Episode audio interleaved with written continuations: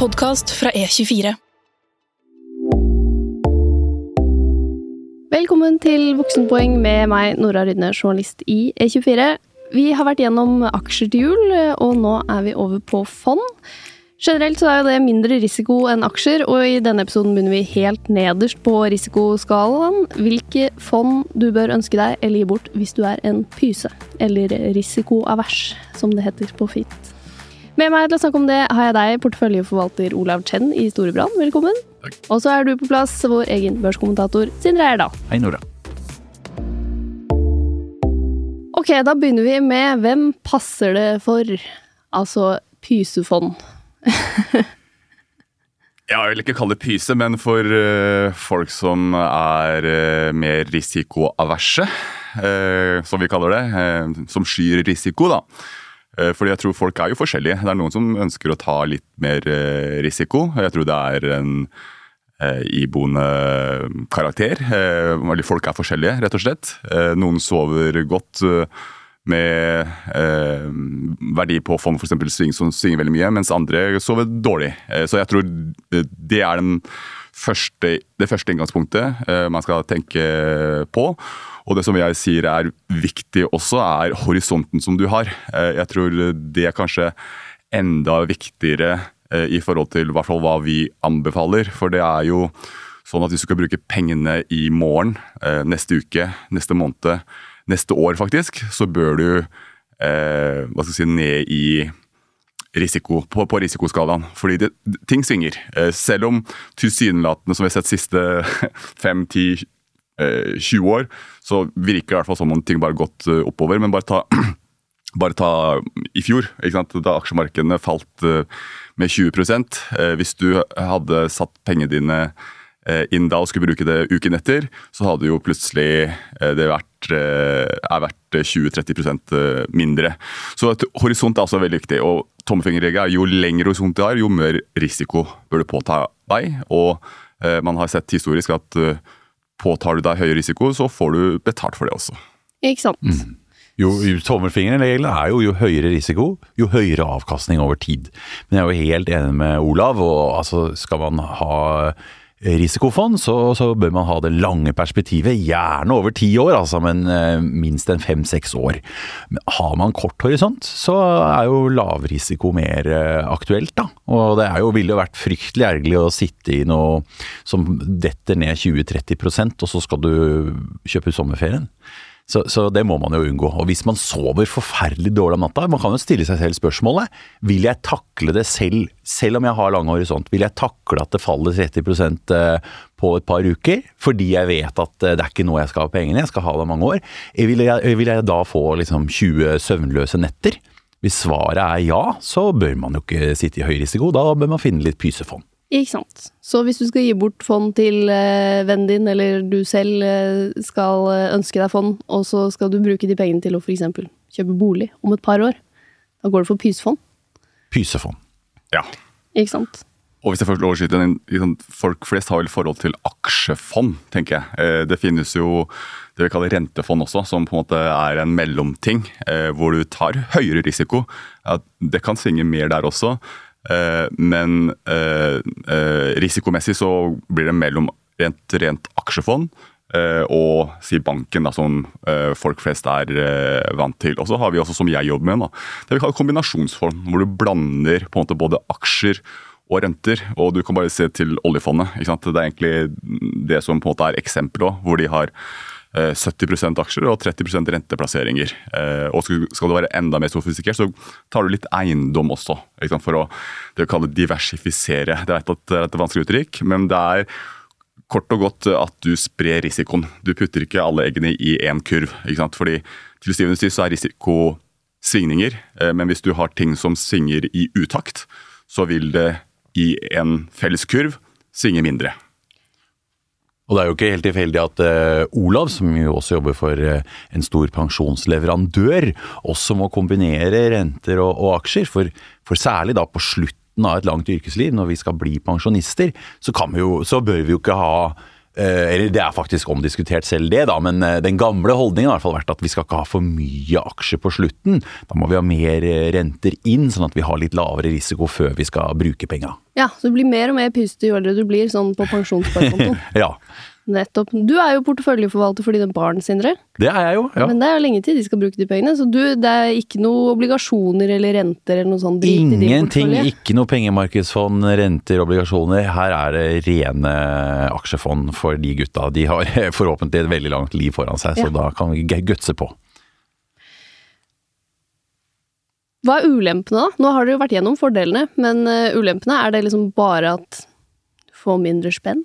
Ja, det er jo det. Over tid så får du altså mindre. Du, du satser mindre og får mindre igjen. Det er jo sånn at aksjemarkedet har fungert, og, og skal i teorien fungere som et sted hvor du får betalt for å ta risiko. Så jo høyere risiko du tar, jo mer vil du da få betalt over tid. Skal være et alternativ som skal bidra til å finansiere selskapene. At folk er villige til å satse litt, og så går det bedre. Hva kjennetegner et typisk liksom, lavrisikofond? Vi har vært inne på kombinasjon, altså at man ser etter at eh, det finnes liksom ikke bare én type verdipapirer i fondet. Noe annet man kan se etter? Det finnes jo også det man ofte skiller mellom eh, såkalt passivt eller indeksfond og aktivt fond. Eh, og der kommer jo kostnaden inn. da? Eh, Indeksfond er si, de enkleste form for fondet, hvor forvalter bare prøver å replikere Oslo Børs. da. De plukker bare de selskapene. Mens aktive fond så tar forvalterne valg på hvilke selskaper de skal ha, over- og undervekt f.eks., som de har tro på og ikke tro på, og slå eh, hva skal si, Oslo Børs. da.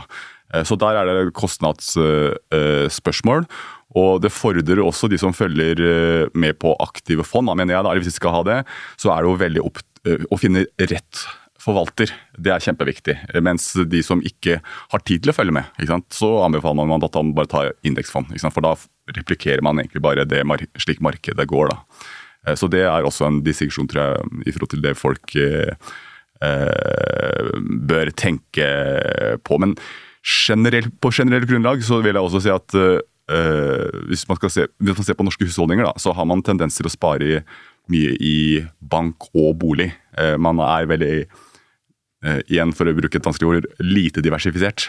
Man følger eh, boligprisutviklingen, eller bank som på en måte, hvor du taper penger, da, gitt at inflasjonen er eh, eh, høyere enn eh, renten. Så hvis man bare ser til Sverige, Europa og USA for den saks skyld, så er det mye større innslag hvor sparepengene går inn i kombinasjonsfond eller aksjefond, hvor man på en måte får del av den hva skal si, eh, avkastningen der. da. Vi, er, vi putter veldig mange egg i boligkurven her i Norge. Ja. ja, for det så jeg på Jeg sjekket ut litt sånn fond. Eh, høyrisiko, lavrisiko. Eh, bare sånn på eiendom, så er jo noe av det mest risikable du kan finne, eiendomsfond i Latin-Amerika. Så ikke hvilken som helst eiendom.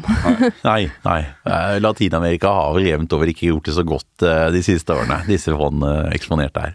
Så sjekk om husfondet ditt er eksponert mot eh, boligmarkedet i Latin-Amerika, før du tenker at eiendom det er jo trygt. Veldig fin diversifisering. Men eh, ja, det har vi vært inne på. Ikke alle pysfond er indeksfond. Eh, Så du kan også gå for liksom et rent rentefond, eller obligasjonsfond. Ja, Er det og- enda mer boring, egentlig? Eh, Det er mer konservativt, i hvert fall, eller Ja. mindre risiko. Eh, Og om jeg skulle foreslå noe, da, sant, så er det jo folk som ikke tør å hoppe rett inn i et uh, aksjefond. Da, eller et rent uh, Eller en, for, så, for så vidt en, et kombinasjonsfond med høy aksjeandel også. Så kan man begynne, begynne med uh, Man trenger ikke hel, heller bare bestemme for ett rentefond. Eh, vi har jo f.eks. Eh, eh, det vi kaller fond i fond av rentefond. For det finnes også et univers av ulike rentefond også, så du får på en måte en igjen for å bruke det uttrykket som jeg tror alle kan nå, diversifisering. Du på en måte tar ut den risikoen ved at du satser på en enkel forvalter, og at den forvalteren gjør det bra eller ikke. Hvor man da investerer i f.eks. Eh, lån til eh, eh, sikre norske kommuner eller banker. Eh? Det skal mye til for at de kommunene eller bankene skal gå konkurs. For det, er jo det til syvende og sist det bunner, i-? Det er risiko. Og liksom, hvis man husker noen år tilbake, faktisk ikke så mange år tilbake, det, det fantes jo også folk som tatt penger på sparepenger. Det var jo fåtall av, hvis du husker, som puttet i de islandske bankene. Du har jo en bankgaranti på eh, bank, eh, innskuddsgaranti på to mil. Men det var jo noen som puttet inn to mil, men som tapte pengene. De fikk pengene tilbake på to, eh, de pålydende, men de tapte rentene. Ikke sant? Fordi de islandske bankene gikk konkurs, da, rett og slett. Ikke sant? Fordi, eh, så man må huske alltid at det er en kredittrisiko, men for banker, sånn som DNB er jo statsgarantert, nesten kan du si, eller statseid, så er det såpass sikkert da, at det skal veldig mye til. Eh, Staten vil helt sikkert steppe inn. Eh, Men så har du på en måte kommuner. De kan gå konkurs òg, men de har jo på en måte en sterk stat i ryggen. Eller andre lokalbanker. S- Så, så sånne ting spiller helt inn. men eh, igjen, Ikke for å gjøre det komplisert, men alt det her spiller inn. men du tar litt høy risiko, men det er en sammenheng mellom risiko og da forventet avkastning. Det er litt sånn kjedelig sånn sett, men det er sånn sammenhengen er, da. Ja, og, og, og rentefond kan jo høres veldig søvndyssende ut, men vi må jo huske også da at eh, nordmenn eh, har jo dessverre eh, putta altfor mye penger i sparekontoen i banken, som jo i realiteten er et solid tapsprosjekt, fordi inflasjonen, prisstigningen, mer enn spiser opp de pengene som står der, med rekordlave renter i, bankene fortsatt. Så, så å putte de over i, i rentefond, på veien mot kanskje også å utforske mer aksjefond, som er mer spennende, det kan jo være en fin vei for at folk by, i hvert fall begynner å flytte litt mer ut fra, fra bankboka. For der bør de i, i, i stor grad ikke stå, med mindre altså det er, man trenger de til som en buffer, da, ikke sant? Eller hvis du skal kjøpe hus til sommeren eller noe sånt. Så sånn sett også litt sånn fin passiv-aggressiv gave til en eh, venn du er irritert over at sparer på feil måte. Ja. Sånn, se her, du kan i hvert fall bare ta dette rentefondet. Ikke. Alt er bedre enn det du driver med. Du gjør noe forferdelig kjedelig, nå skal du gjøre noe litt mindre kjedelig. Ja. Hvordan kommer du fram til lavrisikofond? Det har jeg jo lurt på, for det finnes jo enormt mange fond. Og når du sorterer, så du får jo alt, ikke sant. Mm. Du får rentefond, og du får eh, aksjefond og indeksfond og eh, aktive fond og Eh, Kan man liksom stole på den risikovurderingen du får? For du kan jo ofte, hvis du går på f.eks. Morningstar, så kan du jo eh, sortere på risiko. Kan jeg stole på den risikovurderingen? Jeg vil jo si at du kan det, i den grad du kan stole på noe som helst. så er jo det, det er jo en, eh, Morningstar er jo eh, veldig kvalifiserte da, på det de driver med. Så det er jo det beste vi har. Eh, og eh, hos alle fondstilbydere jeg har sett på, så kan du da I den, eh, i den der fanen du typisk får da, i appen eller nettbanken, så, så kan du jo velge avkastning altså like, og også masse ulike kriterier, men et av kriteriene er også risiko. Ikke sant? Så du kan skalere på risiko, så får du opp det minst risikable, og så går det i rekkefølge nedover. Det er en veldig nyttig pekepinn på hvor risikabelt det er. Ok, Så bare snu den lista på risiko, så kan du se. Ikke sant? Akkurat som hvis du, ja, det er akkurat som hvis du ser eh, de med høyest eh, avgifter eh, øverst, så kan du også snu den ikke sant? og se de med lavest. Og det er jo kanskje en smart måte også, at de med lav risiko, de har vel også gjerne lavere avgifter. Ja. Absolutt. Ok, så sortere på risiko, eller sortere på avgift. Det fins noen forskjeller der òg. Jeg ser på hvert fall på indeksfond, da. Så er det noen som har høyere avgifter enn andre. Eh, er det noe jeg burde være obs på, eller er det liksom sånn at noen indeksfond med høyere avgift kan være bedre? Og det finnes jo ulik grad av det vi kaller eh, hvor aktivt et fond er. Du har også noe som dette heter f.eks. faktorfond. Du, det er ikke helt indeks, men de prøver via noen uh, matematiske modeller og algoritmer som man historisk har sett hvor man har fått nobelpris for osv., som gir litt mer avkastning. Du har det. Og så som Storebrand, uh, hvis du er veldig opptatt av bærekraft f.eks., så er jo det litt dyrere, fordi eh, vi gjør jo ganske mye jobb rundt dette her for å liksom, eh, luke ut de selskapene vi syns er lite bærekraftige, eh, har mye fossile, fossile avtrykk osv. Så, videre. så så det er jo en sammenheng, sammenheng mellom eh, hvor mye jobb man gjør, eh, versus eh, kostnaden eh, på det.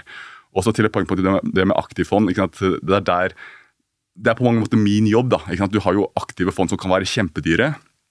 Eh, men eh, også for så vidt indeksfond. da. Eh, men hvor det kan allikevel Det finnes indeksfond for si Norge, det finnes indeksfond for globale, men det finnes indeksfond for det vi kaller fremvoksende økonomier også. Men bare ta uh, året i år. Uh, globale aksjer. Uh, igjen valuta er også viktig faktisk der. Men ta globale aksjer eller norske aksjer da, har steget kanskje med ja, 25% tror jeg, hvis jeg skal ikke ta feil. Men mens markedene i fremvokste økonomier, ta indeksfond der også, det har bare steget 5% og det er ganske stor forskjell ikke sant? om du får 5% eller 25 mm. eh, avkastning i løpet av ja, si et år. Da. Eh, og der kommer det jo liksom eh, Om du aktivt selv skal gjøre det, eller om du skal delegere da, til forvaltere. Og en måte å delegere det er jo eh, til de eh, som driver med kombinasjonsfond. Jeg vekter jo opp og ned der. Eh, men jeg kan jo også selvfølgelig også ta feil på å vekte de tingene. Men da har du i hvert fall et mer aktiv tilnærming eh, på det. Men det sikreste blir jo på en måte å du tar litt av hvert, da. ikke sant? da får du både eh, eh, litt mindre risiko også for at du får eh, de ekstreme utslagene. Men da må man forvente at den totale avkastningen blir litt lavere også. Igjen så kommer det til risiko og forventet avkastning. Da. Ja, og så må du da også regne med den avgiften. At ja. ikke sant, eh, hvis jeg velger å putte pengene i et uh, grønt fond, ja. som er et indeksfond, så er det fortsatt litt mer jobb. Og så hvis det ikke stiger like mye, så betaler jeg også mer avgift. Ja, mm. vanskelig avveining der. Ja, og så, spurte du jo om indeksfond og forskjellige avgifter på det, Nora. og Globale indeksfond er jo en fin sånn grunnstamme for enhver eh, småsparer. Eh, og globale indeksfond er jo ikke så vanskelig å, å, å, administrere, og har jo ofte lave avgifter. Så begynner vi å få stadig flere indeksfond som er litt mer spesialiserte på regioner og, og sektorer. og De har gjerne litt høyere avgift, fordi det er litt mer jobb, ikke sant. Eh, så, eh, men altså, vil du være pyse, da, så er jo globale indeksfond en, en bra stamme å, å sitte på, for da følger du verdensmarkedet. I tillegg, hvis du velger å ikke ha det eh, valutasikkerhet, så får du også den fordelen da, som jeg vil slå et slag for ofte. Altså, som er at krona, den lille norske krona, illikvid nesten, solskinnsvalutaen vår, som eh, stort sett gjør det bra når det går godt i markedene, og så gjør den det dårlig når det er mye uro. Så har vi også oljepris og sånn, men oljeprisen faller også gjerne når det er mye uro. Mm. Så igjen nå under denne omikron-misæren, så har vi jo sett at eh, sitter du med internasjonale fond som ikke er valutasikra, så har krona dempet fallet ditt vesentlig. Veldig fint for pyser. Ja. Fordi ikke sant, krona, krona svekker seg, og, og, og, du får ikke så stort tap som eh, du ellers ville fått. Ok, Så skal du ha aksjer, globalt indeksfond. Ja, uten valutasikring. Ja. Det er bra for pysser. Nettopp. Det er veldig slitsomt å sitte og følge med på en forvalter. Tenker jeg. Men hvis du gjør det dårlig, så kan du gi dem Doff-aksjer i julegave. Ikke sant, Nora? Det er jo en, eh, en kjærkommen gave for de fleste. Jeg skal slutte med den joken snart. Jeg blir aldri lei av Doff-joke.